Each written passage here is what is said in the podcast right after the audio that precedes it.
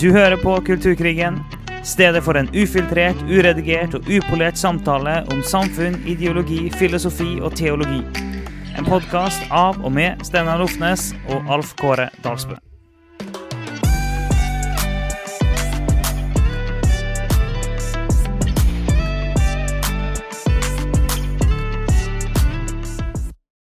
Ja, det finnes Det finnes ingen god måte å starte på. Så um, vi må ha Okidoki, vi må ha energi. Masse energi en mandag morgen. Vi skal snakke om uh, nymarxisme.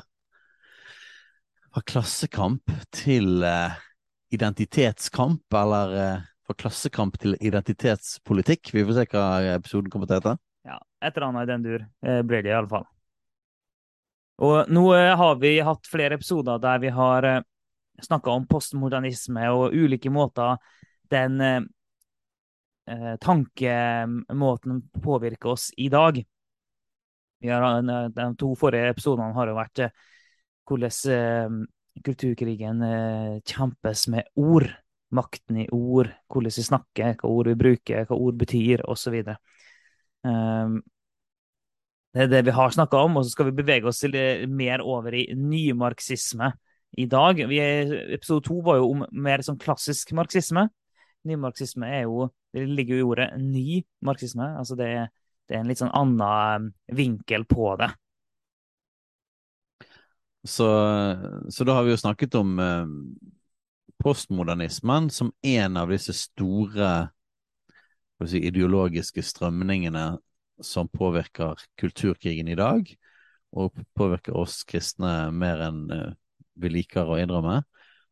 Uh, så vi går altså inn nå på det vi mener er den andre store strømningen, ideologiske strømningen, sammen med postmodernismen, som former det vi kan kalle Noen kaller det jo woke. Det vil si, de kalte jo seg sjøl woke en stund. Vi skal vel ha en episode bare på det, men um, så etter hvert så ville de ikke kalle seg woke lenger, for nå er det liksom bare de som er mot det, som sier det. Um, en annet begrep som man kaller seg sjøl, iallfall i den engelsktalende verden, er the social justice movement. Um, I Norge så har vi vel ikke noe sånn ordentlig samlebetegnelse egentlig på denne her strømningen, men mm. den påvirker oss like fullt veldig kraftig.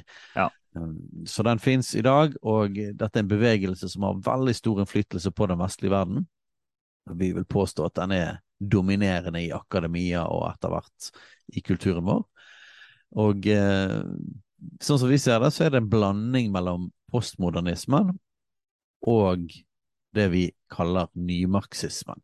Så vi må forklare litt eh, Så nå skal vi gå da et par episoder inn på dette her. Hva er nymarxismen, og hva er liksom den siden av hele kulturkrigen? Ja, og, prøve å forklare og vise hvordan det påvirker vår tenkemåte i dag. Og så er vi frimodige nok til at vi sier at vi tror Bibelen viser oss en helt annen måte å tenke på. Og eh, vi anbefaler, hvis du hører denne episoden her uten å ha hørt episoden om postmodernisme, så anbefaler vi deg å bare hoppe tilbake et par hakk og høre de foregående episodene først. Eh, for ting glir veldig over i hverandre, samtidig som det er noe forskjellig, samtidig som det henger nesten uløselig sammen. Det er iallfall veldig kompatibelt. Og som vi alltid sier, så er det ikke her en sånn uttømmende, fullstendig gjennomgang av de ulike ideologiene, men det er eh, vi som eh, prøver å vise til hvordan det her påvirker oss i dag, og gi en historisk kontekst til det. Eh, og vi har snakka mye om postmodernisme, hvordan det påvirker oss, synet på sannhet, konstruere sannhet, bruken av ord. Men postmodernisme har det i seg at det kan Det kan eh, lever veldig på det teoretiske planet. Og, og det trenger noen ting for å bli mer konkret. Og det er der vi vil si da at det er eh, den eh, sammensmeltninga av postmodernisme og nymarxisme er det som har gjort det mer konkret. Eh, nymarxismen eh, brakte med seg en aktivisme inn i, i det. Og gjorde det konkret, gjorde det til noe en kunne handle på. Ja, for de originale postmodernistene i Frankrike på slutten av 60-tallet, de var mest opptatt av å angripe eh, tang, altså samfunnet på det teoretiske planet. eh, og å dekonstruere alt, plukke alt fra hverandre. Og vise at dette her er jo egentlig et forferdelig undertrykkende samfunn vi lever i. Men de var mest liksom på dekonstruksjon og relativisme og sånt. De var mindre opptatt av å komme til en eller annen slags løsning eh, der, der, du skulle på en måte skape et nytt samfunn. Eh, så de var på en måte primært ødeleggende.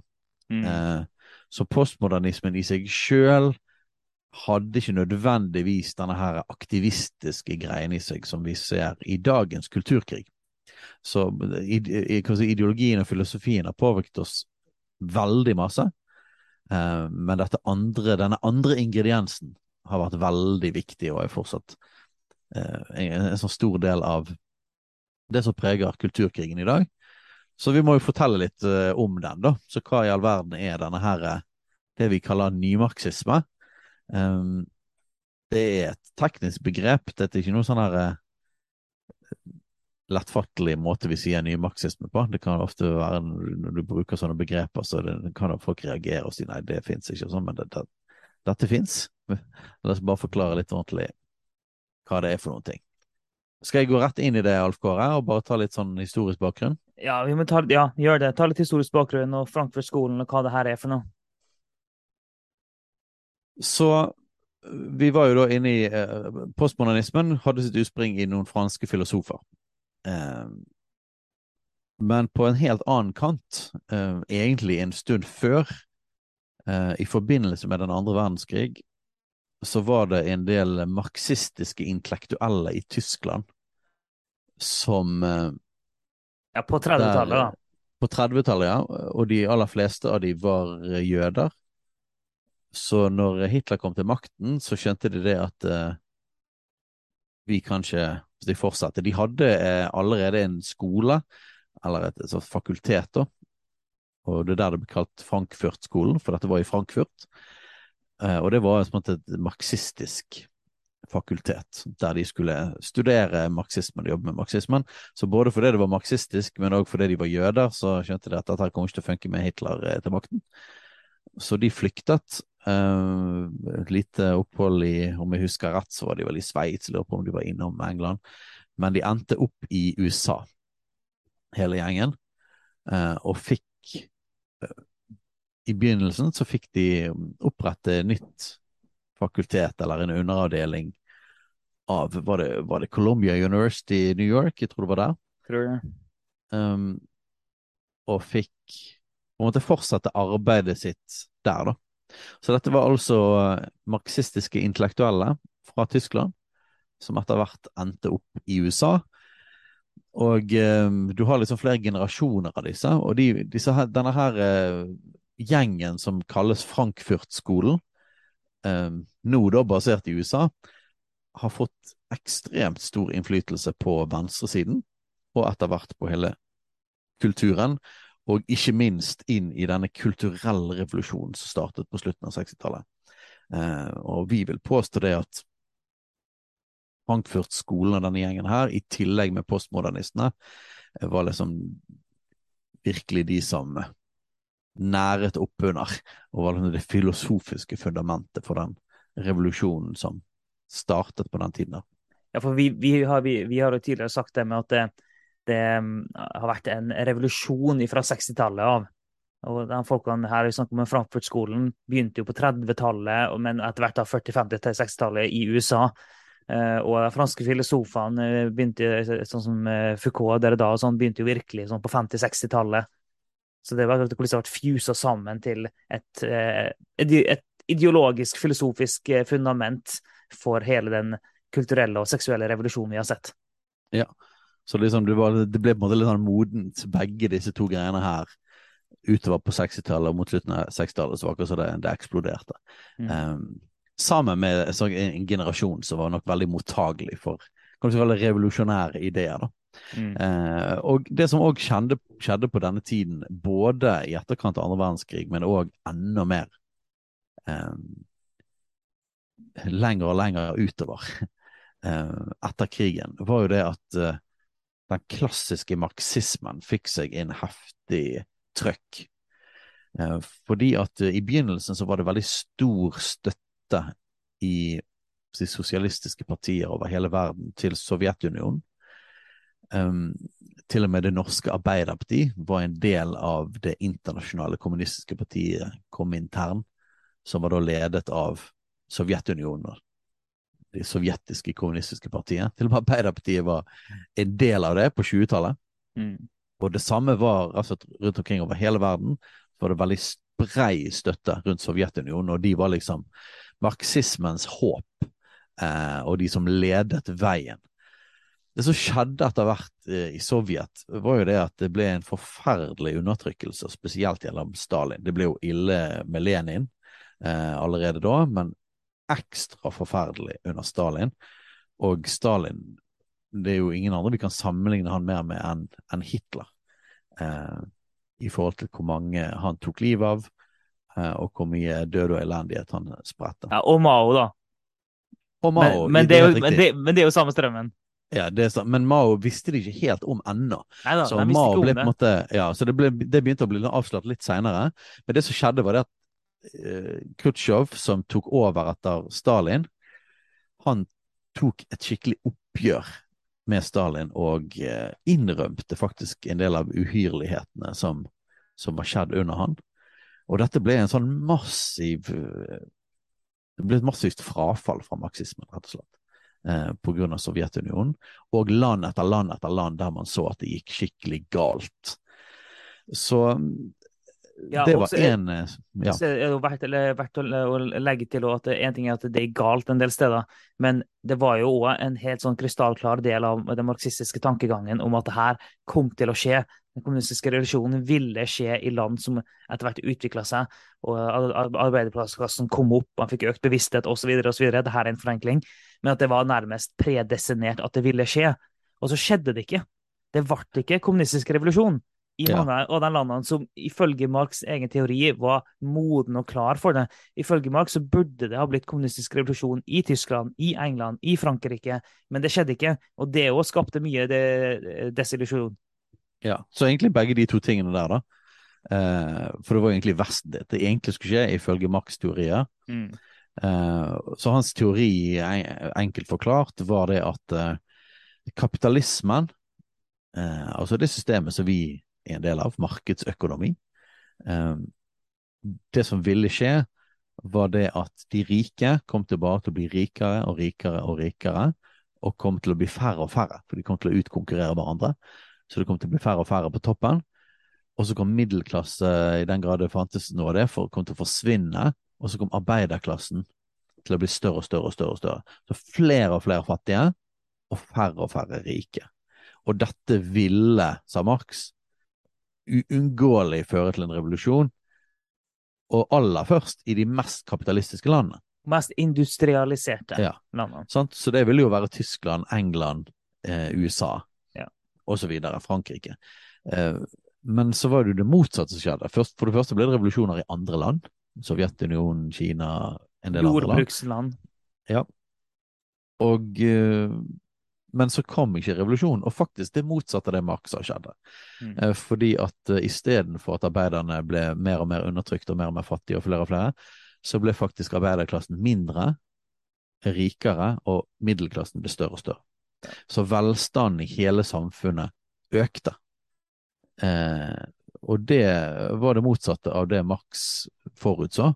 Så teorien hadde fått seg en solid knekk med at det, det, ikke gikk som det skulle, det gikk helt motsatt, og der de hadde prøvd det, gikk det skikkelig galt. Ja, sant. Og sant, mer uh, rettigheter til arbeidere og, uh, og, mer humane forhold og sånne ting gjorde det at arbeiderne fikk det jo egentlig bedre og bedre i det kapitalistiske samfunn. Og plutselig så forsvant jo hele den revolusjonære gnisten. Den, den ble jo tatt vekk fra Vesten fordi at arbeiderne fikk det bedre og bedre. Eh, og dette skjedde jo i Norge òg, så Arbeiderpartiet var kommunistisk på 20-tallet. Eh, men etter hvert så gikk de jo vekk fra det, og i etterkrigstiden så fikk jo arbeiderne bedre og bedre i Norge, og det var ikke lenger til behov for en revolusjon. Så denne her krisen, både Stalin og all elendigheten, men òg at det ikke ble en revolusjon i Vesten, det gjorde at disse her marxistiske intellektuelle da, eh, som kalte seg Frankfurt-skolen, de måtte finne ut av hva i all verden er det som er gått galt. Hvorfor tok Marx feil? Um, men De ville ikke forkaste marxismen, men de skjønte at her må, vi, her må vi jobbe med å finne ut av dette, så de begynte å studere dette. Hva er det som er grunnen til at det ikke ble revolusjon? Og eh, videre, hva kan vi gjøre for å fortsatt komme fram til det fantastiske friheten og det klasseløse samfunnet som var målet hele Til utopia. Ja. Så eh, det, dette var en haug med folk. Eh, Det var jo mange av de postmoderne filosofene òg, men jeg vil si det vel enda flere av disse her som var i Frankfurt-skolen. Og disse var jo postmodernistene. De ville jo sikkert ikke innrømme å kalle seg postmodernister. De var på en måte franske filosofer og litt sånn flytende.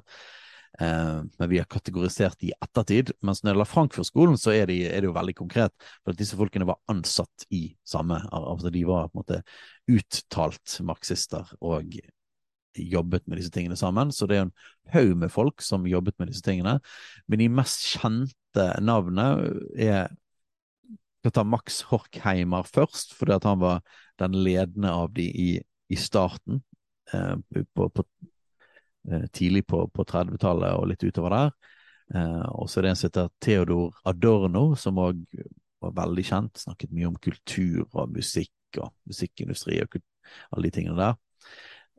Og, men den aller mest innflytelsesrike er nok Herbert Marcuse. Jeg vet fortsatt ikke hvordan vi skal uttale navnet hans, men eh, han var tysker, da.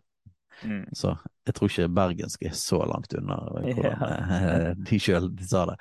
Så Herbert Marcuse er den mest dominerende av de, og den som Han var litt yngre enn disse to andre, så han Når vi kom utover på 60-tallet, så ble han en skikkelig sånn stjerneintellektuell, Mm. sammen med sånne folk som Foucault, som òg var flyttet til USA etter hvert, og var veldig populær på universitetene og solgte masse bøker, så var han her, Marcuse, òg veldig populær. Masse forelesninger, masse studenter som fulgte han. Bøkene hans kom opp i stort opplag og hadde veldig stor innflytelse på slutten av 60-tallet, altså i starten av denne her kulturelle revolusjonen. En liten digresjon som ikke vi har tid til å gå inn i nå, men det er jo alltid morsomt når eh, den største kritikerne av Vesten og kapitalismen eh, har det veldig godt og finner sitt ly i det, i det mest eh, eh, I kapitalismens høyborg.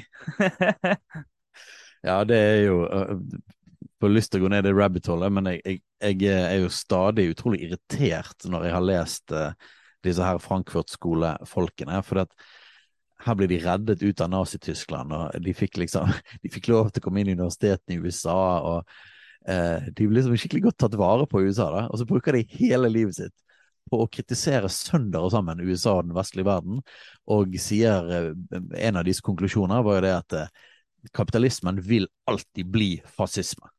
Så Det er liksom uunngåelig. Det er bare et sånt prestadium for fascisme og nazisme. Og egentlig er denne kapitalismen og det virker som alle har det fint. Eh, arbeiderne har nå fått, eh, fått mer rettigheter, de har det bedre, de har eh, color TV, og de har øl i kjøleskapet. Eh, og, og, og de har det ikke så fælt som arbeiderne liksom på, på 1800-tallet, som Marx snakket om. Eh, og da skulle man tro at ja, men det var jo bra. Nei, nei, nei, det var ikke det de konkluderte med. Nei, De konkluderte med at dette var mye verre. Dette var faktisk mye mer grusomt.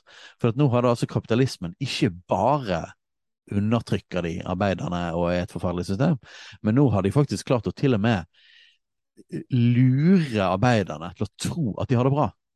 Men det, Gjennom det, å gi det, dem masse materialisme. men det er vel det en kaller falsk bevissthet, da? False consciousness. Eh, og dette med klassebevissthet er jo en stor ting i marxismen. Og det å forstå at du er en undertrykt eh, arbeider, sånn at du eh, reiser deg opp. Eh, så, så den nye kapitalismen, den utviklede kapitalismen, dette var en av konklusjonene deres, eh, var grunnen til at det ikke ble revolusjon, er at de rett og slett ble arbeiderne ble døyvet ned og sløvet ned gjennom materialismen. Nå er det jo sånn at vi kristne kan være enig i det at, eh, at materialismen kan sløve oss ned for våre dypere behov. Absolutt. Eh, og den vestlige verden har jo gått vekk fra Gud, i stor grad fordi at vi har det godt. Eh, nå er ikke vi imot at vi har det godt, da. Det, det, det, og vi mener ikke det er liksom direkte ondskap i i velstand. Eh, men klart at det kan sløve oss ned, men vi tror jo heller at det sløver oss ned fra vår tilstand eh, overfor Gud og sånne ting. Ja, og det er, sånn med, det er jo sånn med veldig mange, da, at det, det, er sjelden at det er sånn at folk ikke har sett noen ting. At de tar 100% feil. Det er sjelden. Eh, som regel, om det så er 1% 5% 10% 20% hva det enn er, som regel finnes det en andel i det folk sier, som faktisk er riktig. Og, og vi skal være såpass eh, fair at vi skal anerkjenne et, et, ting, som, en, ting som er viktig og riktig å peke på. Og det er helt sant at det er en del i vår vestlige kultur og i vår materialiserte verden, i vår kapitalistiske verden, der vi lett blir dopa ned av all underholdning, av alle ting vi kan holde på med, alle ting vi kan kjøpe, og vi kan ha feil fokus og vi kan bli likegyldige, og vi kan bli numne, og vi kan miste kjærligheten til Jesus, og vi kan miste fokuset på framtida, osv. Så, videre. så alt det er helt riktig. Um, så, men uh, mens uh, Frankfurt-skolen reagerte jo på at det tok folk vekk fra klassekampen og kampen for det, uh, det klasseløse samfunnet. Så vi er jo selvfølgelig ikke enig i det, men det er riktig at folk ble, og fortsatt blir, eh, til en viss grad neddopa. Ja, men sant, vi tror jo det at det dypeste behovet til mennesker er de åndelige behovene. Mm. Marx derimot, han mente jo at det var de materielle behovene som var det viktigste. Ja. Og sånn sett så er jo det utrolig underlig, for det viser seg altså at kapitalismen kom til å faktisk innfri på det Marx ønsket, mm. nemlig at arbeiderklassen skulle få det bedre. Det var bare det at det skjedde ikke gjennom revolusjon. Det skjedde gjennom at arbeiderne fikk eh, bedre rettigheter, men òg fikk mer penger, rett og slett fordi at kapitalismen fungerer. Altså velstand økt, økte istedenfor å øke fattigdommen. Um, så det tok jo på en måte egentlig piffen ut av hele forutsetningen for marxisme, egentlig. Men Frankfurt-skolen de var litt sånn die hard marxister, og de ville at dette Dette er min tolkning, det kan være noen synes at dette er veldig provoserende, men min tolkning er at de hadde så veldig lyst til at Max skulle fortsatt fungere, at man på en måte måtte si det at det som egentlig var et bedre samfunn For vi er jo enige at uh, etter den israelle revolusjonen og uh, den liksom, begynnelsen av kapitalismen, så var jo det forferdelig tilstand for arbeidere. Mm. Eh, og jeg kan jo forstå at Marx ville tenke at dette bare ville bli verre og verre, men det var en feil analyse. Ja. Og når det viste seg at det var faktisk kapitalismen som mer og mer kom til å avskaffe fattigdommen, som er jo realiteten i verden i dag. Eh, det er jo der man da innfører markedsøkonomi. Det er jo der fattigdommen går ned. Mm. Eh, og dette kan du se i, i, land som Kina og India. Kina som nå er statsstyrt markedsøkonomi. Eh, de har funnet en ny variant der. Så de har beholdt diktaturet, men, men de har tatt inn markedsøkonomi eller kapitalisme for å, for å skape rikdom. Og det har jo funket. Altså I Kina har jo det vært den største klassereisen eh, som har vært i noe land, eh, hvis jeg forstår det rett. De har tatt så mange folk ut og fått til dem, og det er gjennom markedsøkonomi. Mm. Så, eh, men Frankfurt-skolen, eh, vi må jo komme oss videre her, Frankfurt-skolen de, ja. de, de, konkluderte med at nei, det er et grusomt samfunn fortsatt, det er ikke frihet. Eh, dette vil ende opp i et fascistisk diktatur anyway, nå er det bare litt sånn skjult. Eh, og, men vi kan ikke lenger satse på arbeiderklassen, for de er blitt neddopet av materialisme og underholdning. Så eh, revolusjonen kan ikke lenger komme fra de. Det er jo et veldig brudd med gammel marxisme, og en av grunnene til at dette kalles nymarxisme, for de, de holdt fast på en del av de grunnleggende tingene, men de så helt nytt på hvordan vi skal gjøre dette fremover. Ja, de holdt fast på klassekamp eh, og eh, undertrykt undertrykkertankegangen det sånne ting. Eh, men så kom de jo med kritisk teori og full pakke, da. Vi må jo si noen ting om det før vi etter hvert går inn i hvordan det her preger oss i dag. Ja, kritisk teori er en av de tingene som de si, fant opp. Så det brukte de som en sånn arbeidsredskap kalte det en kritisk teori, og det er Definisjonen av en kritisk teori er en sosial teori som tar sikte på å kritisere og endre samfunnet som helhet. Så kritisere og endre samfunnet som helhet. Kritiske teorier prøver å finne de underliggende antagelsene i det sosiale livet som hindrer folk i å fullt ut og virkelig forstå hvordan verden fungerer. Kritiske teorier mener at disse underliggende antagelsene skaper en falsk bevissthet som undergraver muligheten til å komme fram til et virkelig demokrati. Og da, Mm. Når en marxist snakker om virkelig demokrati, så betyr det kommunisme. Bare så dere vet det når dere leser i Rødt sitt program. De snakker masse om demokrati. Det betyr kommunisme. Um, skal ikke gå dypere inn i det nå, men det er fakta. Um, så kritisk teori er veldig kjent og, og er brukt som et begrep nå på alle mulige nye kritiske teorier. Og dette har jo fuset sammen med postmodernismen. Sånn at veldig mange postmoderne teorier blir også kalt kritiske teorier. Så, så her på en måte på en måte nymarxismen og det Frankfurt-skolen holdt på med, blir helt sammenvevd med postmodernismen. Ja, og vi har jo kalt det her tidligere eh, for eh, postmoderne nymarxisme, fordi at vi mener at det som påvirker oss i dag, er en eh, sammensmeltning av de her ulike retningene. Eh, og, og vi mener det er hensiktsmessig å kalle det det. Skjønner du? Som alltid er det en forenkling, så er, er det likevel eh, hensiktsmessig å kalle det. Og, og hvorfor snakker vi da om nymarxisme? Ok, vi, vi prøver å gi en historisk kontekst her. Eh, sånn kom det opp. Det påvirker oss i dag. Og hvordan påvirker det oss i dag? Men før vi håper, er, er, er det noe mer du vil si om den historiske konteksten før vi går inn i det? Nei, jeg tror vi kan gå rett inn i det. Altså, poenget er altså at de satte i gang noe her. Dette fuset med postmodernismen etter hvert.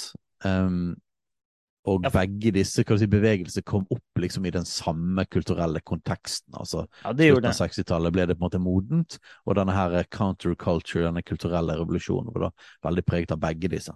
Ja, så begge, begge deler fikk momentum på samme tid.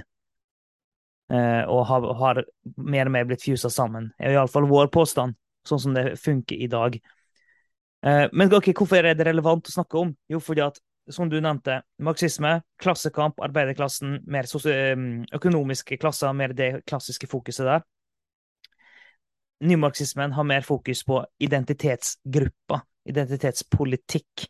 Eh, Det er fortsatt klassekamp, men det er ikke arbeiderklassen. Det handler ikke om, eh, det handler ikke om økonomisk klasse, det handler ikke om sosial ulikhet på den måten lenger. Men det handler om alle mulige ulike identitetsgrupper. Og at de må kjempe, og at de er undertrykt. Og da kan vi si det at det, om det er undertrykte kvinner, om det er undertrykte etniske minoriteter, om det er undertrykte seksuelle minoriteter osv. Og så er og vi har jo tidligere snakka om hvordan det bare- blir bare brutt ned i flere og flere undertrykte grupper, flere og flere underkategorier. Eh, Men nymarxismen brakte det her inn. En sånn eh, konstant oppdeling i grupper, med en tanke om at det finnes undertrykkere som, eh, som undertrykker de her gruppene her. Og de kom inn med en aktivisme på de her områdene. Aktivisme eh, på feminisme, antirasisme, pride-bevegelse, seksuell frigjøring osv. osv. Så, så postmodernistene var mest dekonstruerende, sant? De kritiserte og plukket fra hverandre, eh, og noen av de havnet liksom bare opp i en sånn derre nihilisme. Altså, hva er det for noe, da? Altså, det er det at eh, alt går i dass ene vei, og alt er grusomt. Så det, på en måte, det finnes ikke noe håp eller noe mening med noe som helst. Eh, så, så hvis du på en måte drar postmodernismen helt sånn ut, så kan du på en måte ende i den derre alt er meningsløst. Um, Og Foucault endte jo så definitivt der, da, når han sa eh, Nå tar jeg det her fra minnet mitt, jeg har ikke skrevet det ned. Men han sa, eh, parafrasert, noe cirka sånn som at eh, det høyeste han kunne tenke seg, det ulti, mest ultimate han kunne tenke seg, det var en sjølmordsorgie. Altså en seksuell orgie som bare ender opp med at alle tar sjølmord. Det var det høyeste han kunne tenke seg, uttalte han på et tidspunkt. altså Postmodernisme er på en måte ekstremt sånn desillusjonert, eh, oppløsende, alt er liksom tragisk. Um, så, så den hadde ikke den samme liksom, aktivismen i seg. De organiserte ikke på en måte bevegelser på samme måten. Mens her var jo da nymarxisten annerledes. Sant? For marxismen har jo alltid hatt denne her eh, organisere, samle, mane til kamp eh, med seg. Så Og de inntok Så- universitetene og studentene, mens marxisme jobba med arbeiderklassen, mens nå kom de inn på universiteter. Så den er jo viktig. Ja, ja, for da Marcuse, dette, og dette sier de rett ut. Eh, vi må gå vekk fra å hovedsakelig fokusere på arbeiderklassen og mane de til revolusjon. Vi bør eh, jobbe med studenter.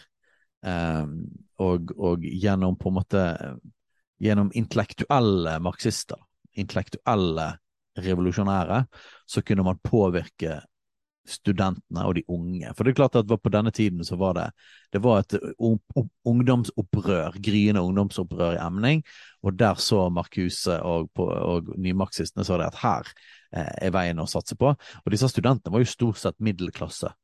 Eh, unge middelklassefolk. De var ikke arbeiderklassen, som var det klassiske marxistiske på en måte satsingsfeltet. Så de satser stort inn på universitetene. Eh, de var jo sjøl intellektuelle og jobbet på universiteter og fikk mange disipler der.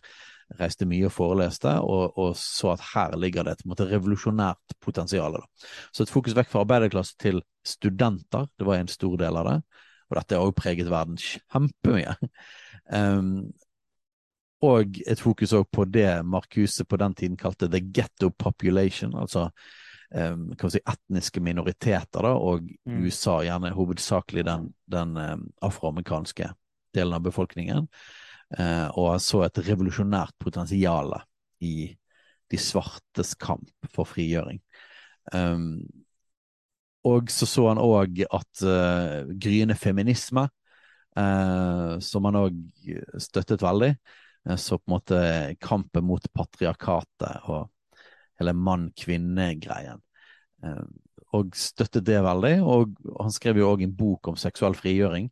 Eh, så hele kampen for seksuell frigjøring og det eh, Både på en måte det som skjedde først i hele hippiebevegelsen av på en måte fri sex eller sex, sex utenfor ekteskap i greien, men òg etter hvert pride-bevegelsen. Mm. Eller så var det i begynnelsen, på en måte homobevegelsen. Um, alle disse tingene her var liksom i sin startfase på slutten av 60-tallet og utover 70-tallet, og Marcuse var midt i det. Han var Studentene leste bøkene hans, han talte, han oppildnet, og han støttet alle disse her eh, fraksjonene og undergruppene, og så de som potensialet for revolusjon. Dette var et brudd med klassisk marxisme, eh, Marx ville sagt at nei, dette ødelegger revolusjonen. Eh, alle disse undergruppene kan ikke få lov til å kjempe hver sin egen kamp. Eh, vi må samle. Arbeidere i alle land, foren dere. Det var litt sånn mantra fra Marx.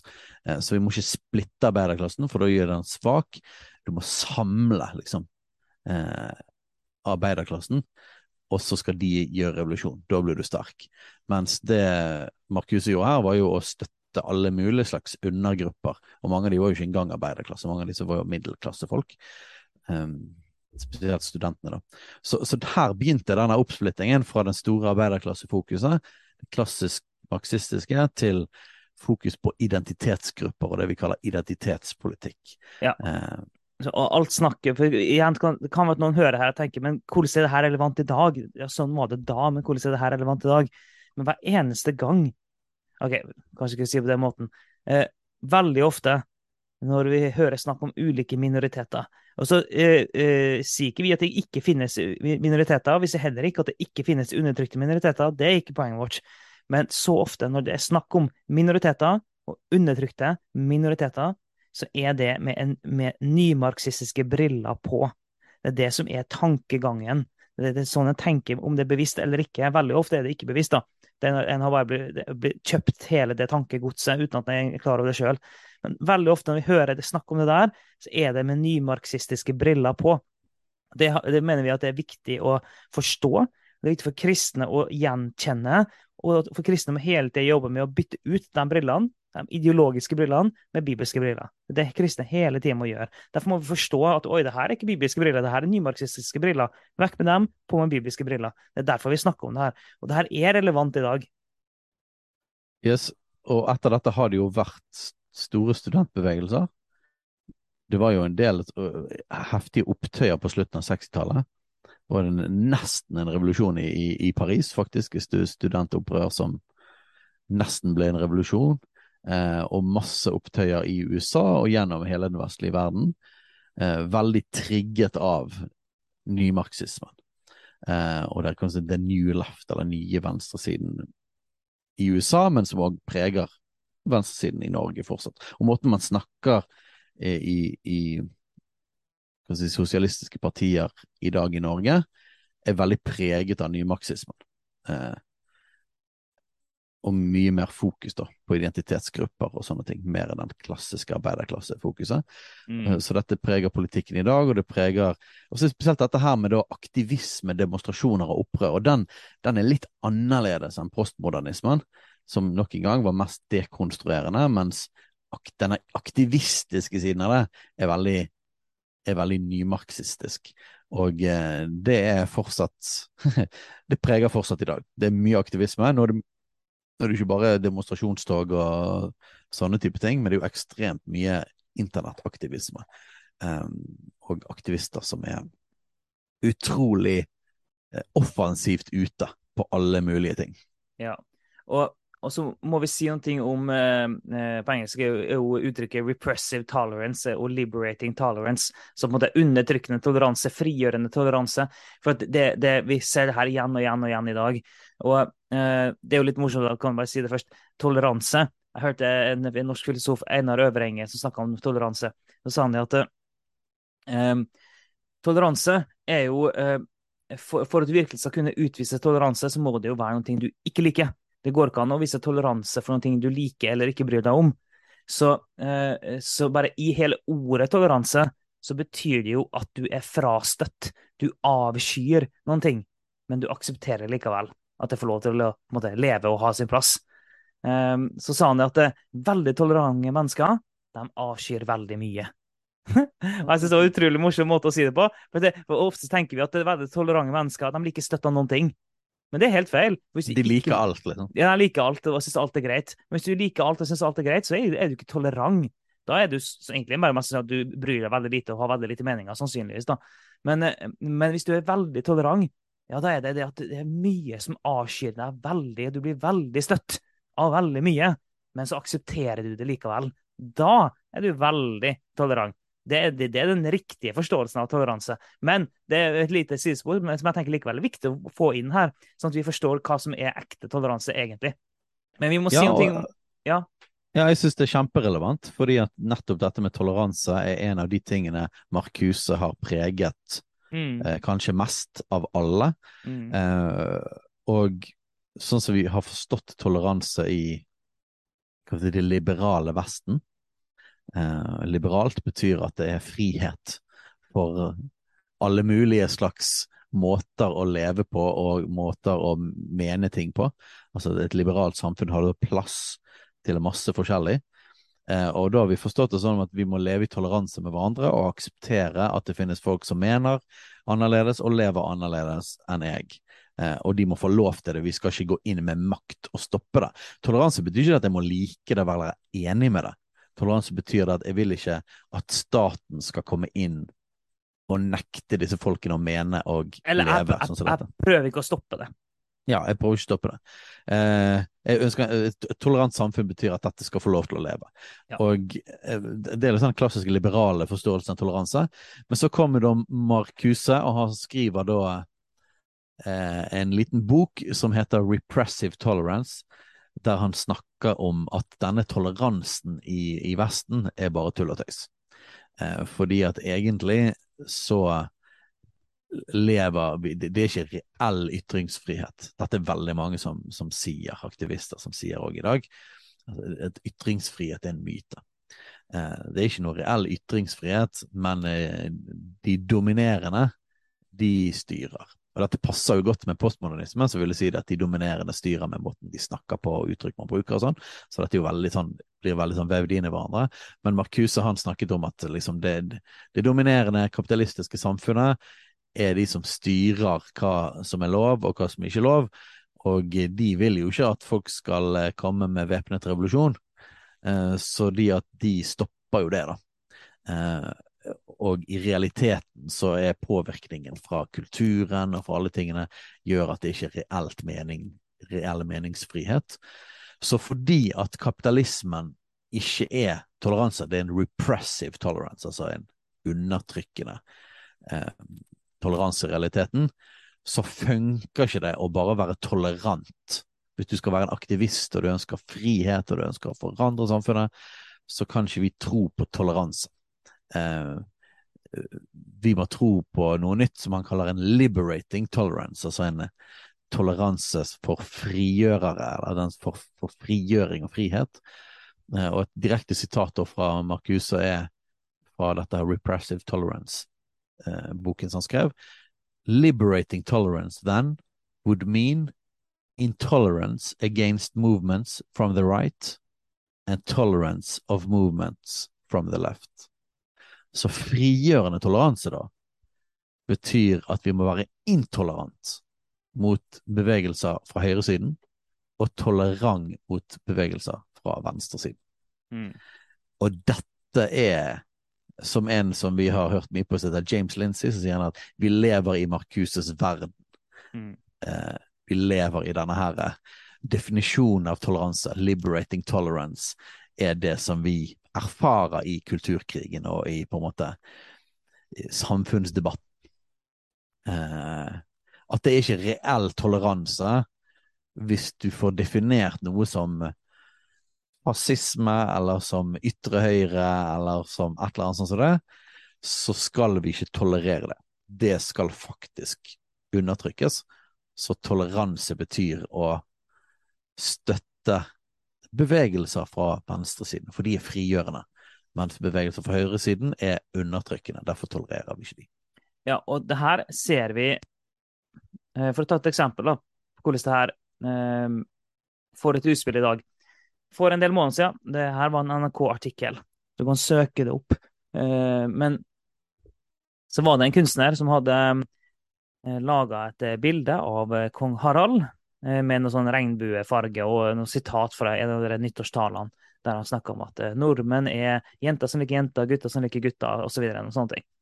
Han, så var det en kunstner som hadde laga et bilde av det og sendte det til en del skoler. Og så var det en skole som sa nei. Det var en skole som sa nei til å motta og henge opp et kunstverk. Og i seg sjøl så, vil en jo tenke at ja, selvfølgelig så bør det være enhver skole sin rett til å si nei til et hvilket som helst kunstverk som bare blir sendt til dem uten at de har bedt om det eller spurt om det eller ønsker det. Eh, og hadde, hadde jeg laga et kunstverk og sendt til en skole, så må jo de få lov til å si nei til det. Men skolen her sa nei da, til det. Og det ble jo oppslag i media og full pakke. For det at de sa nei til det, det er ikke greit.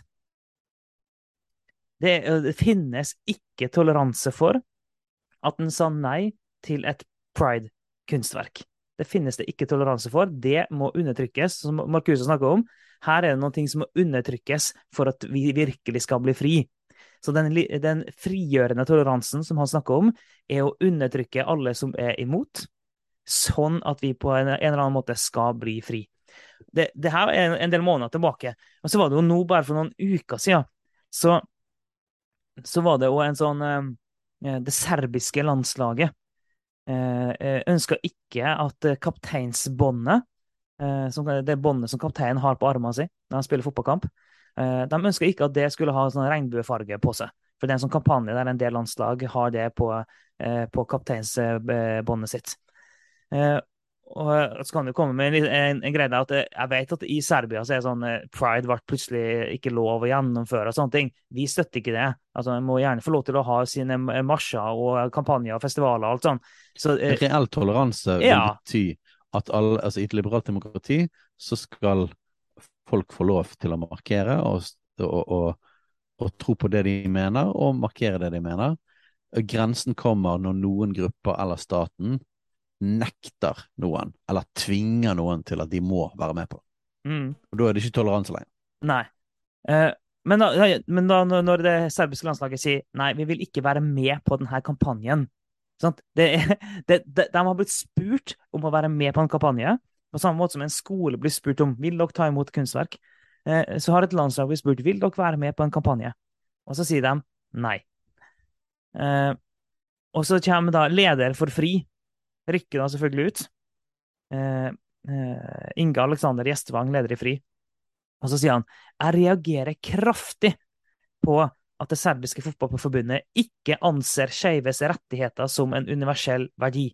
Den såkalte nøytraliteten de nå velger, blir i stedet stående som et tydelig symbol, sier han. Så det at han sier nei, de vil ikke være med på den politiske kampanjen, så blir ikke det anerkjent. Det blir tatt som at de nå ikke anser skeives rettigheter som en universell verdi. Og, de, eh, og, de, og han, anerkjenner heller ikke nøytraliteten. Han sier at det går ikke an Det er jeg for så vidt enig i, det går ikke an at altså, nøytralitet ikke finnes. Men, eh, men, han sier at ok, ved at du sier nei, så er du mot oss.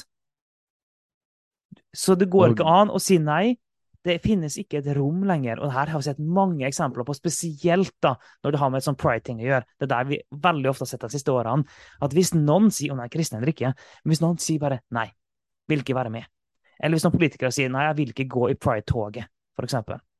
Bare, bare, si nei. Si ingenting stygt. Si ingenting imot. Ingenting sånt. Det eneste de gjør, er å si jeg vil ikke være med. Jeg vil ikke ta imot. Det er det eneste de sier. Og så kommer det det skikkelig opplegg der han blir angrepet for å være rasist og eh, transfob og homofob osv. Og, og få masse lapper på seg.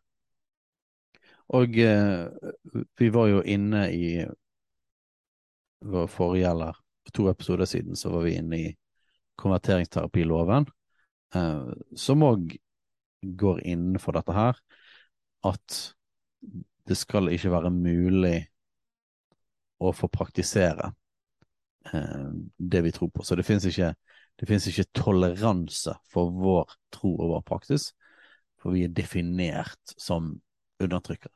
Så det betyr altså Det betyr intoleranse mot konservative kristne. Det skal ikke være rom for uh, å tro ja. og praktisere i praksis. Der Markuse sier intoleranse uh, mot høyre og toleranse mot venstre, så har de et uttrykk i dag som er intoleranse mot ja, det kan være konservative kristne, eller intoleranse for alle som ikke aktivt omfavner f.eks. pride da, eller andre bevegelser. Intoleranse mot alle som ikke aktivt er med på vårt lag, eh, og toleranse mot alle som er det. Ja. Så nymarxismen og Frankfurt-skolen Marcuse er en veldig stor bidragsyter til det type debattklima og den måten å tenke på rundt toleranse eh, og definerer rett og slett toleranse annerledes enn det liberale. Eh, og her har det skjedd et skifte, der man før snakket om toleranse eh, i Norge eh, mye mer ut fra et sånn liberalt grunnlag. Så egentlig definisjonen av toleranse forandret seg til at eh, folk som da blir definert som intolerante, oss, skal ikke tolereres. så det er ikke toleranse lenger på det mm. vi mener. Mm. Eh, og dette er Marcuse. Og eh, vi fant et bare interessant bilde. Vi bare, bare googlet 'repressive tolerance', altså dette essayet som han skrev, og så kom det opp et bilde da, med eksempel på dette. Her er det fra, fra et demonstrasjonstog. Og så er det en eh, mann og en, uh, en ung mann og en ung kvinne som står her. Og den ene har da et skilt der det står 'hate free zone' med hjerter på, og så fredstegn. Så 'hate free zone'. Og eh, hennes venn som står ved siden av, der står det 'fuck off fascism'. Fascist skam, står det. Fuck fascist off fascist skam. så 'hate free zone', og så fuck, fuck off fascist skam. Og logikken i det er jo da at eh, fascister, de hater. Så hvis du skal ha hatfrihet, så må du fjerne fascistene. Da blir det hate free zone. Så, så skal, du, skal, du, få toleranse og kjærlighet, så må du fjerne de som er fæle. Det er måten du skaper. Det er altså ingen selvinnsikt i at uh, å si fuck off fascist er i seg sjøl hat, ikke det? Mm. Uh, og nå er, mener ikke vi det at vi er veldig glad i verken fascisme eller fascister.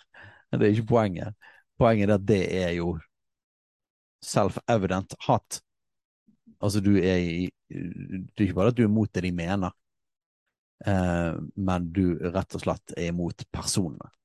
Ja. Så det er per definisjon intolerant.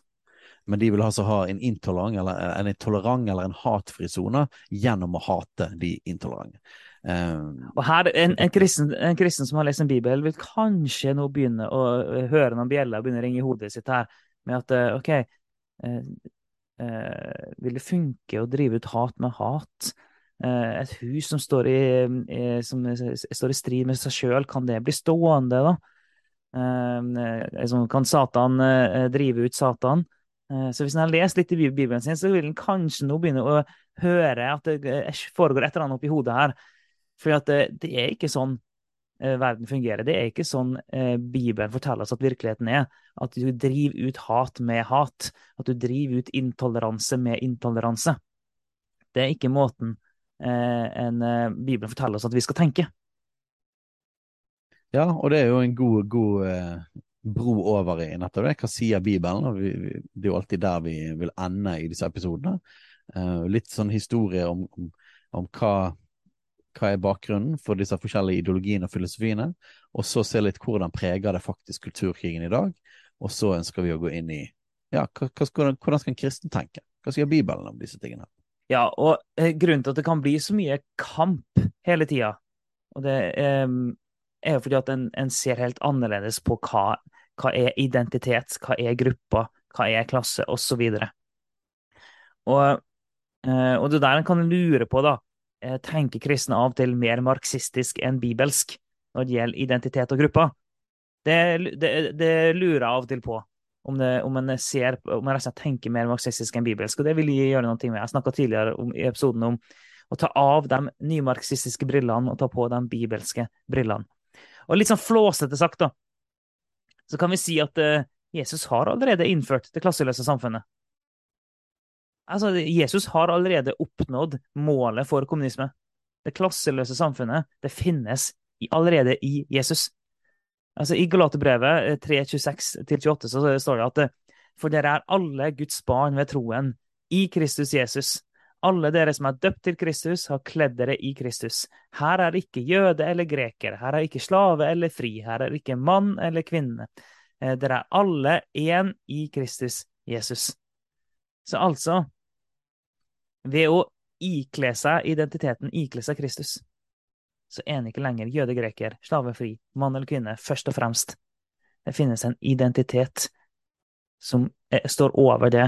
Det finnes en gruppe som er viktigere enn de gruppene. Så Jesus har allerede innført det klasseløse, kommunistiske samfunnet, veldig flåsete sagt. Ja, og, det, og dette gjør jo at måte det det griper litt tilbake igjen til den første episoden vi hadde om kristendom versus marxisme. Um, at Jesus, han gikk ikke Han anerkjente ikke at problemet hovedsakelig var de ytre strukturene, eller samfunnsstrukturene, men han snakket om hjerteforandring. Altså evangeliet, det forandrer oss på innsiden. Um, mens han var uh, kanskje sjokkerende velvillig til å leve innenfor det undertrykte systemet som han var en del av, med romersk okkupasjonsmakt. og Manet ikke til opprør mot de, eh, men behandlet basically alle likt. Eh, inklusiv romerske offiserer. Men det var ikke at han samarbeidet med romerne heller. Han var bare under ingen. Eh, mm. Han var fri på innsiden, men på, si, på utsiden så aksepterte han eh, samfunnets rammer. Eh, og, så evangeliet det går veldig imot hele den tankegangen om at det er det ytre systemet som er problemet.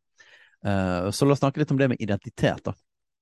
Um, det var vi òg innom i postmodernismen og ord og sånt, men jeg, opplever at det er en nøkkelpunkt her. da. Ja, det er nøkkelpunkt fordi at uh, i nymarxismen, i den, med nymarxistiske briller, så blir identiteten veldig viktig, og en deler opp i grupper som er undertrykt.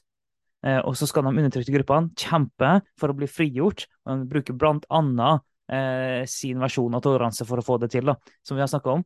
Eh, men poenget likevel at en, en, har ulike identiteter, en er en del av ulike undertrykte grupper. Og det er helt stikk i strid med måten Bibelen tenker på. Og ja, kan du ha på en måte ulike identiteter? Ja. Men som en kristen så har du først og fremst én identitet. som det står om i det, bibelverset la som, fra Galaterbrevet. For dere er alle Guds barn ved troen. I Kristus Jesus. Det er først og fremst den kristnes identitet. Mer enn noe annet. Mer enn, uansett hva kjønn du er, hva farge det er på huden din, hva sosial klasse du tilhører, hva du er tiltrukket eh, mot, uansett hva du står i, så er det den kristnes identitet nummer én. Og her tar jo eh, Her tar jo faktisk Paulus tak i, i Galatane 3, 26, 28 der, så tar han tak i tre sånne her eh, grupper av undertrykt undertrykkere. Mm. Eh, eller iallfall grupper som er i konflikt med hverandre. Så det første her er ikke jøde eller greker, det tar tak i rasisme. Det tar tak i, i forskjellig etnisitet, eller forskjellig kultur. Så i Kristus så kan ikke vi identifisere oss primært som jøde eller som greker. Eh, vi kan ikke primært identifisere oss som nordmann, eller som hvit, mm. eller som amerikaner, eller som svart, eller som afrikaner, eller som af afroamerikaner, eller asiatisk, eller hispanic, eller og så videre. Eh, eller samisk, eh, som i Norge blitt mer og mer populært som på en måte identitetsgruppe i Norge. Um, og nok en gang, det er ikke galt å være glad i landet sitt, det er ikke galt, galt i å si det at eh, jeg er en bergenser, jeg er fra Norge, men den identiteten kan ikke komme for høyt opp og for kraftig opp for en kristen. Mm. Først og fremst så er vi Guds barn, og det betyr at den motsetningen da som finnes med andre eh, Jeg kan godt si at jo da, jeg er nordmann, men som kristen så kan ikke jeg si at jeg er nordmann, og derfor er jeg i konflikt med noen fra et annet land fordi mm. at de er en annen etnisitet. Mm. Um, jeg er først og fremst et barn av Gud. Så, så hele den splittelsen mellom forskjellige grupper, det ble tatt seg av i Kristus. Mm. Så den ene går jo på etnisitet eller rase, i hermetegn. Jeg tror ikke at rase fins, eller det, det, det, dårlig ord på forskjellige etnisiteter og hudfarger. Eh, men i Jesus ble det tatt vekk. Det andre er her er ikke slave eller fri. Eh, så er da både økonomisk klasse, men på en måte enda mer ekstremt enn arbeiderklasse i forhold til eh, overklasse og arbeiderklasse slave og fri, da var det jo det Dette går jo inn i slaveriet. Så det å faktisk være eid av et annet menneske. Men i Kristus så, er, så, så tar han vekk den identiteten. Eh, både for en som har slaver, eller en som er slave, så er ikke identiteten lenger å være slave eller mester, men identiteten å være i Kristus. Så vi skal snakke litt om hva dette betyr i praksis etterpå. Um, og så tar han òg her er ikke mann eller kvinne. Så, så denne kjønnskampen ble òg tatt vekk i Jesus. Så vår identitet som Guds barn gjør at denne her eh, kampen mot patriarkiet, eller kampen mellom klassene, mellom eh, kjønnene, eh, blir tatt vekk. Det er ikke en kamp mellom kjønnene, men det er en enhet i Kristus. Mm. Um, så det er utgangspunktet, da. Eh, i Jesus. Og så la oss gå inn på noe som jeg tror kan være litt provoserende. Skal vi gjøre det? ja, øh, det, det, det, er jo flere ting som kan være provoserende. Nå vet ikke jeg hva, nøyaktig hva det var du tenkte på. Jeg, jeg, jeg, tenkte å kaste meg inn i det med at, uh, at Jesus forandrer egentlig ingenting på utsida, men han forandrer alt på innsida. Jo, jo, men det er ja. den veien jeg tenker vi skal gå. Ja, ja, ja. Mm. Og evangeliet fokuserer ikke på strukturell frigjøring, men på indre frigjøring. Så når han sier at vi er, etter vi er Kristus, og vi er Guds barn, og det er vår nye identitet, så fokuserer altså evangeliet på indre frihet. Så når Alf Kåre sier liksom på, på, litt morsomt at i Jesus så har vi det klasseløse samfunn, så er det sånn at eh, evangeliet det fører til en indre klasseløshet. Mm. Men den provoserende biten er jo det at eh, evangeliet sier ekstremt lite om at vi skal endre på den ytre det ytre klasseforandringen. Og la oss vi bare hoppe inn i det mest provoserende av de alle, eh, som er mester og slave. Mm. For Det nye testamentet sier ingen plasser direkte at slaveriet skal avskaffes, og at, eh, at eh, vi må kjempe imot det systemet. Det, det, var en selvfølgelighet, hadde vært det i alle kulturer inntil denne tiden her. Eh, så slaveriet var en, på en måte helt sånn selvfølgelig samfunnsinstitusjon. Um, og i Romerriket, altså i antikken, så, ja, så var slaveriet en ekstremt sentral del av det. Nå er ikke det sånn at slaveriet alltid så ut sånn som plantasjene i, i uh, sørstaten i USA, eller, eller, på en måte slaveriet i Egypt, jødene i Egypt og sånne ting. Det har fantes verre og bedre i hermetegn versjoner av slaveriet, men, men det var helt uh, Men var du slave, så var du Du eide ikke deg sjøl. Du var eid av mm. et annet menneske, mm. og du hadde ikke frihet til å gjøre hva du ville, du måtte jobbe for den personen. Eh, mens evangeliet sier ingen plasser direkte at systemet slaveri skal avskaffes, men flere ganger i Nytestamentet så blir det talt inn i hvordan man skal tenke hvis man er slave, eller hvis man har en slave. Nettopp. Og og da kommer hele sånn underordningsprinsippet i Bibelen, som er kanskje noe av det mest utfordrende for mennesker. Eh, og det tror jeg kommer ut fra en marxistisk tankegang, eller egentlig Lucifer, som var den første som ikke, ikke Det, det første marxist? den første marxist og postmodernist. Eh, for her er et sånt utrolig rikt og fantastisk og frigjørende prinsipp, men samtidig kjempemotkulturelt og provoserende. Så jeg håper at vi får nåde fra Gud nå til å klare å beskrive dette på en god måte. Ja, vi må jo prøve det. Eh, og fordi en, eh, en kristen slave identifiserer seg ikke lenger som slave, men som Guds barn i Kristus. En kristen mester, herre, som har en slave, identifiserer seg ikke lenger som en herremester som har slave, men som Guds barn i Kristus.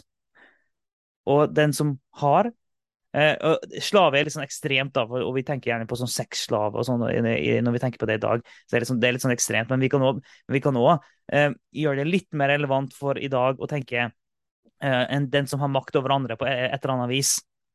Men den som har makt over noen andre, det, dens identitet ligger ikke i at jeg har makt over noen andre.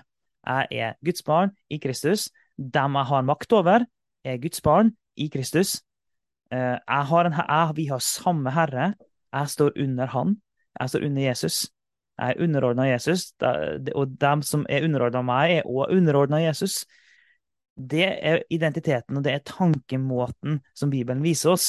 Og det får masse masse implikasjoner. Og det er jo en grunn til at det var kristne som avskaffa slaveriet. Det er jo en grunn til at i den kristne verden så blir ting bedre og bedre.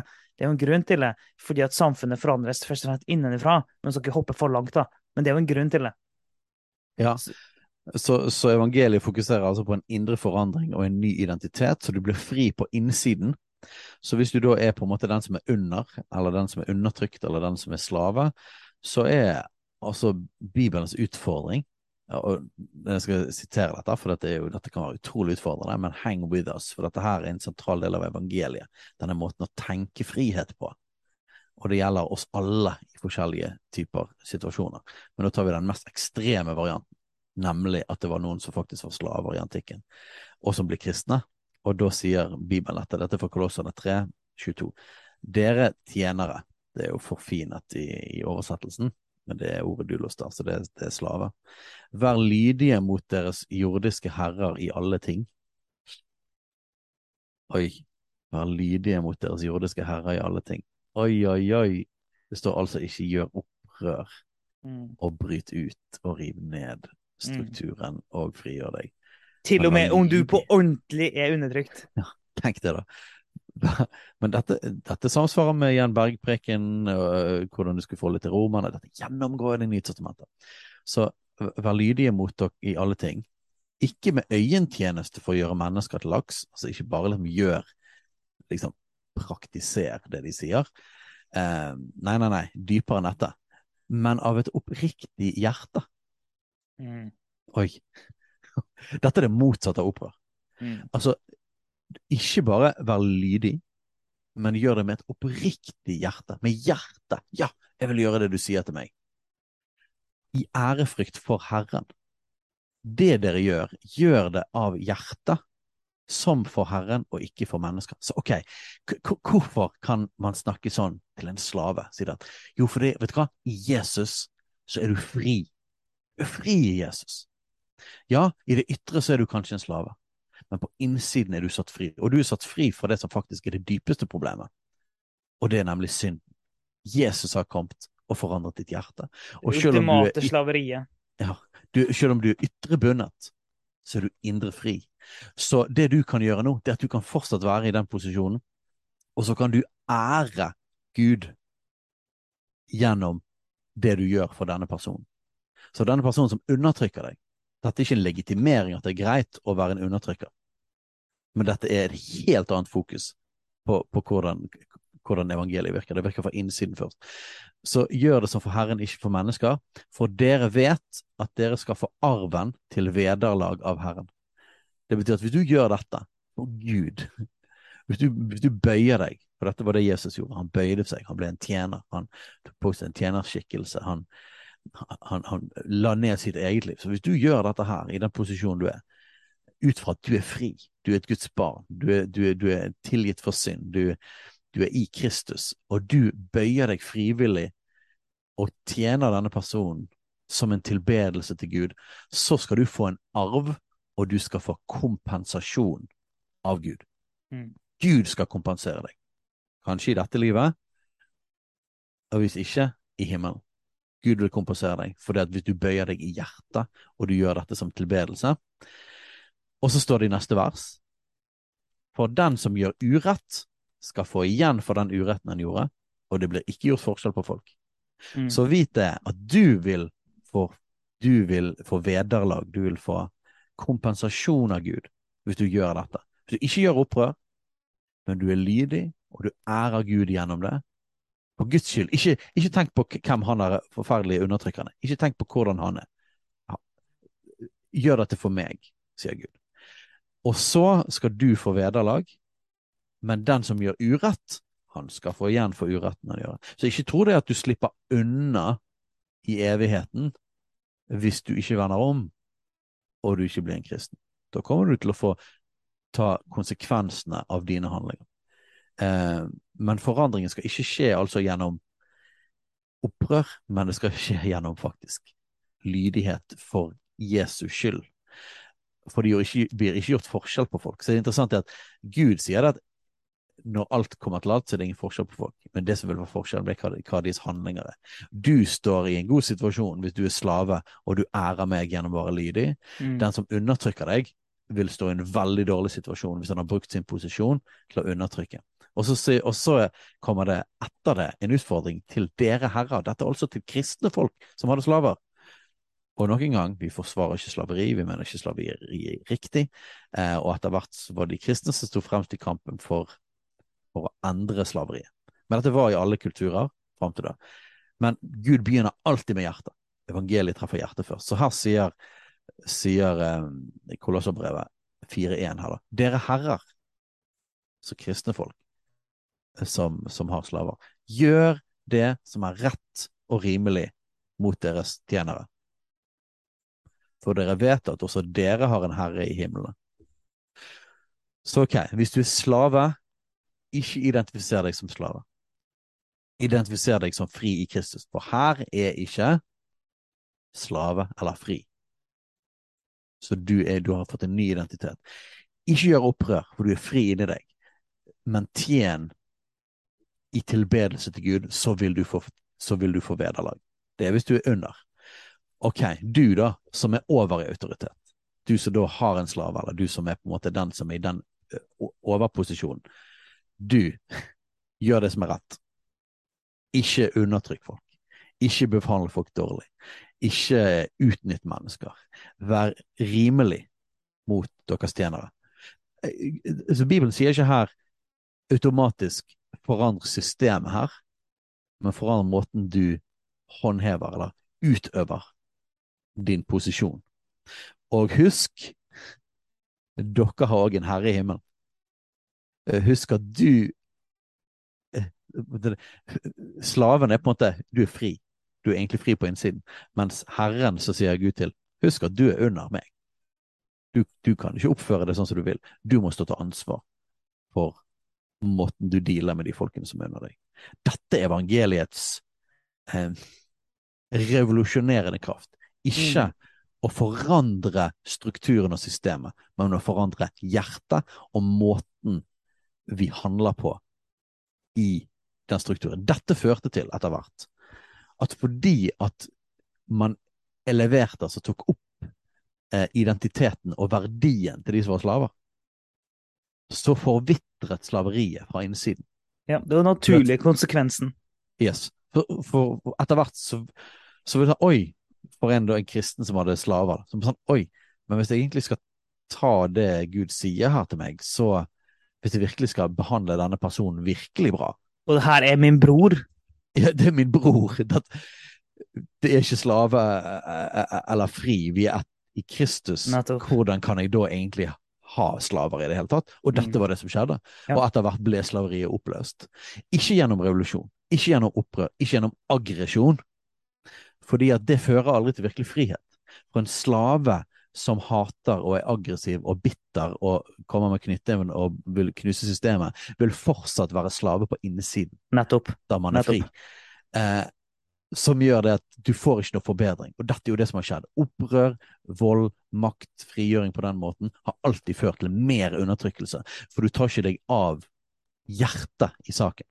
Og vi har jo sett det igjen og igjen, ulike revolusjonære strømninger, så har vi sett akkurat det der, at dem som vinner makt, de begynner å undertrykke. De som en gang var undertrykt, blir undertrykker. Og så anerkjenner ikke vi hele det eh, rammeverket men, eh, eh, og den måten å se verden på, men det har skjedd igjen og igjen at de som kjempa oppover for å forandre systemet, når de fikk makt, så brukte de makten til å trykke nedover igjen. Og det er den som du sa, det er fordi at de ble aldri fri på innsida. Evangeliet fokuserer ikke på ytre frigjøring, men indre frigjøring, frigjøring fra syndens slaveri. Det er jo det som evangeliet fokuserer på. Men den naturlige konsekvensen av den frigjøringa i menneske etter menneske etter menneske, og i mennesket i ulike posisjoner, den naturlige progresjonen der, er et mer og mer fritt samfunn. Det at de ytre rammene blir mer og mer fri. Det at den ytre virkeligheten gradvis over tid forandres og samsvarer mer og mer og mer med den indre realiteten. Det er sånn Bibelen lærer oss å tenke, det er sånn Bibelen lærer oss å jobbe. For skal en kristen jobbe for et bedre samfunn? Ja, det skal en kristen gjøre. Men bare på riktig måte, og bare ut ifra at en sjøl har blitt fri på innsida, og at en jobber for at andre skal bli fri på innsida, og deretter så kan de ytre rammene bli mer og mer fri.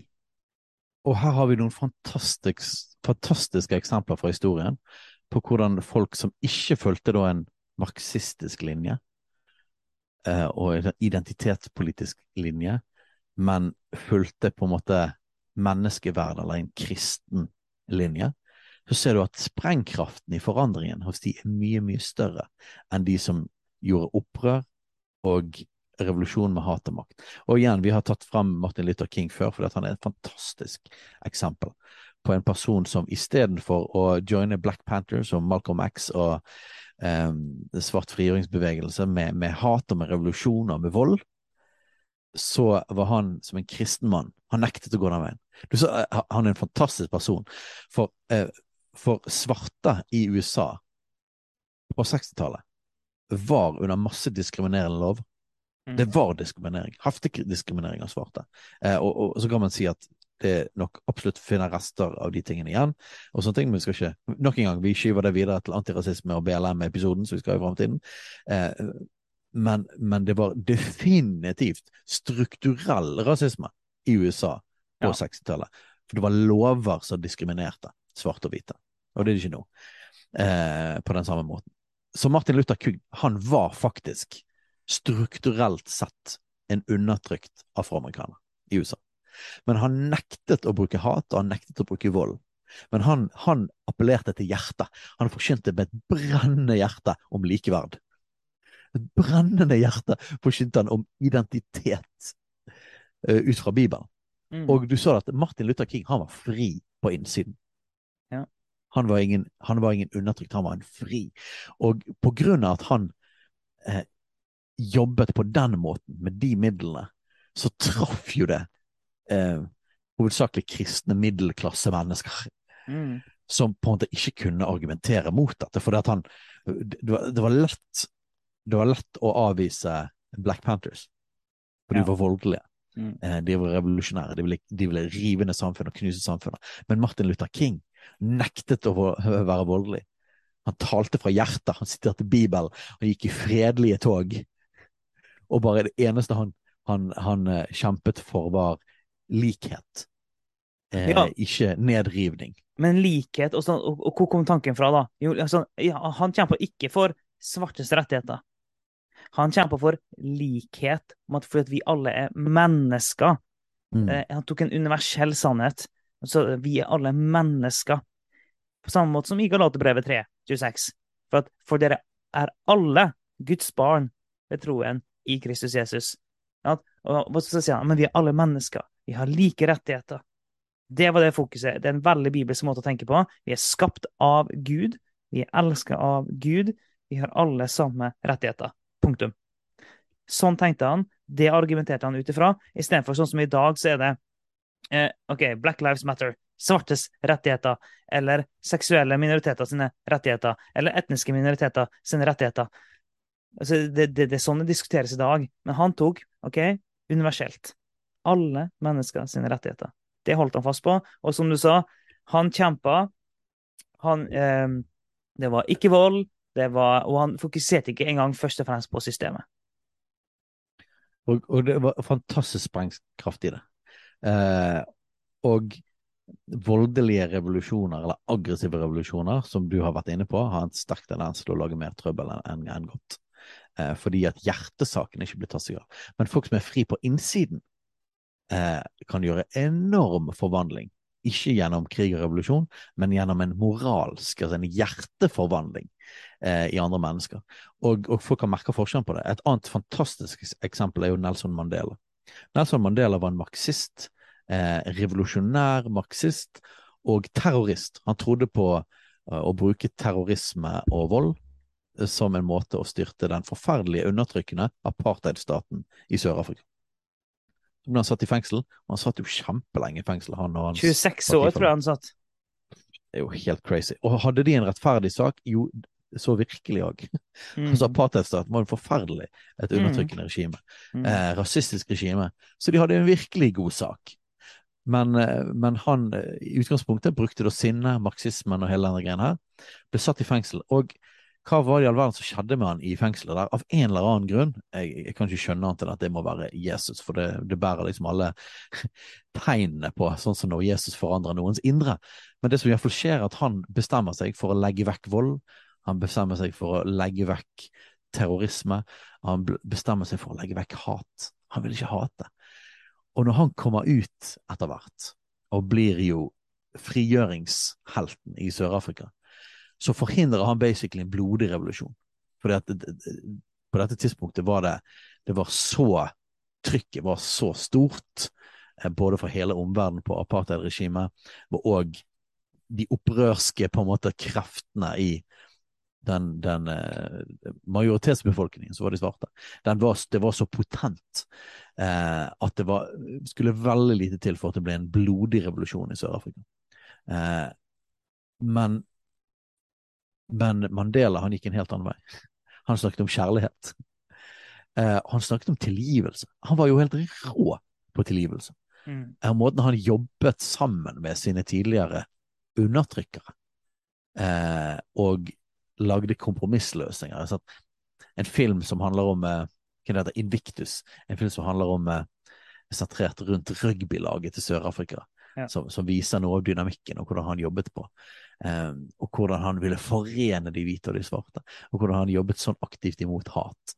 Og det gjorde det at det moralske overtaket var jo dominerende. Ja.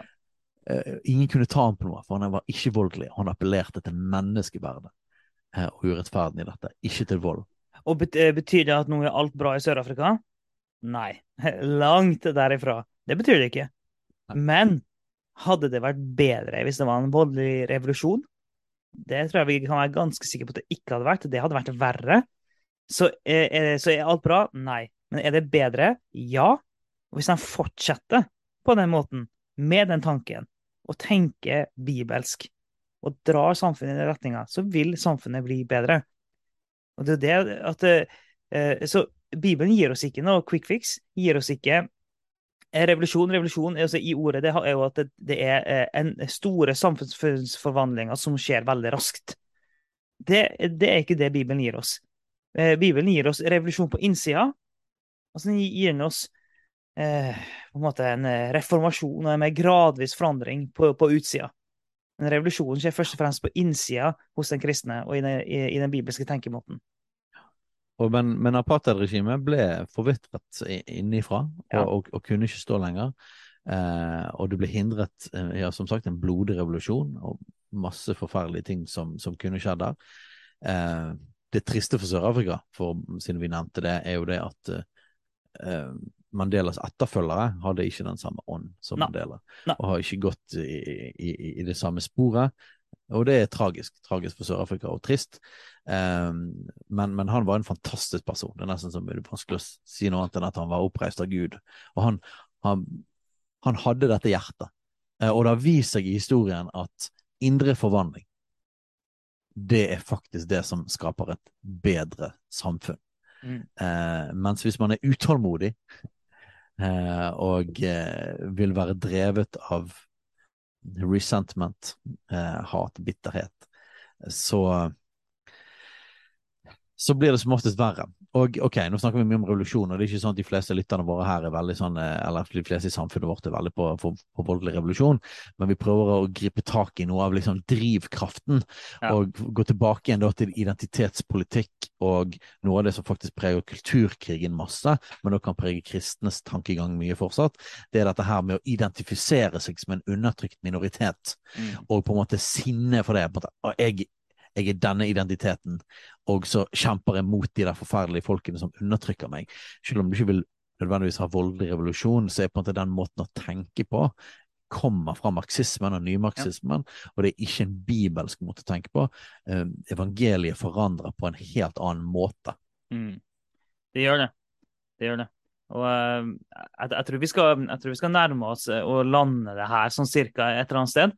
Eh, for Hvis ikke så kan vi ta det i alle mulige nye retninger. Men det er jo det her poenget vi vil få fram i dag. Og så er det nesten sånn jeg kan høre eh, i ørene mine noen kristne aktivister som har lyst til å snakke om at eh, ja, vi må kunne kjempe for samfunnsforvandling, og, og hva med at vi må være mer lydige mot Gud enn mot mennesker og sånn. Så kan vi bare slenge inn den at, at ja, det finnes et element av en sivil ulydighet for en kristen, og der myndighetene går sånn, tvinger kristne til å gå direkte imot Guds ord og en del sånne ting. Eh, det finnes noen elementer der, men det er en helt sånn annen sak som vi sikkert kan ta seinere. Eh, så ja, det finnes noen ting der, og det er først og fremst Gud som er vår Herre, og Han vi er lydige til. Men hjerteholdninga, grunnholdninga, den er sånn som vi har snakka om her. Ja, og når det gjelder sivil ulydighet, så er jo eksempelet på det i Det nye testamentet det er to ting. Det er å forkynne evangeliet om Jesus offentlig ja. ute når du ikke får lov, og det er å helbrede syke offentlig. Ja. Så... Det, det, det, er veldig fint. Bibelens, eh, Bibelens, eksempel på sivil ulydighet er at du forkynner evangeliet selv om du ikke du fikk lov til det. Enkelt og greit. Så det, det, er jo det som er konteksten da, når hun sier at uh, vær mer lydig mot Gud enn mot mennesker. Det er når, uh, det er når uh, myndighetene sier at du får ikke lov til å være en etterfølger av Jesus. Ja. Utenom, det, utenom, det, så er det veldig lite ulydighet vi har lov til som kristne.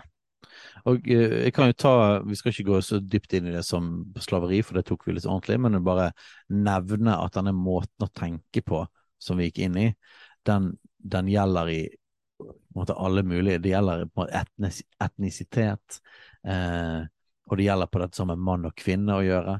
Eh, det gjelder i familien, og derfor snakker Bibelen motkulturelt nok om underordning jeg, jeg, tror vi må ha en egen episode om underordning etter hvert. Vi, vi ja, må det, nok det. Det, det. tror vi må. For det griper så veldig inn i dette her med, med klassekamp og mm. identitetspolitikk.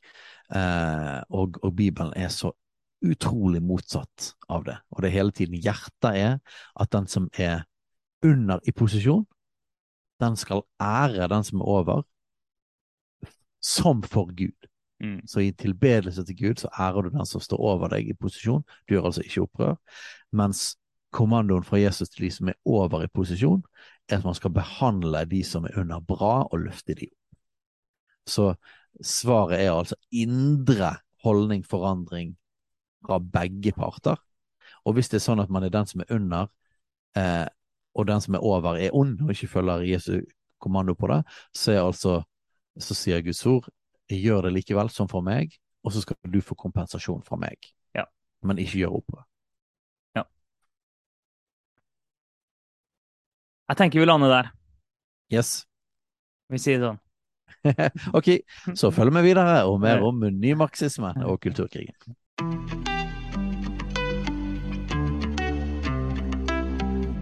Takk for at du lytter på Kulturkrigen.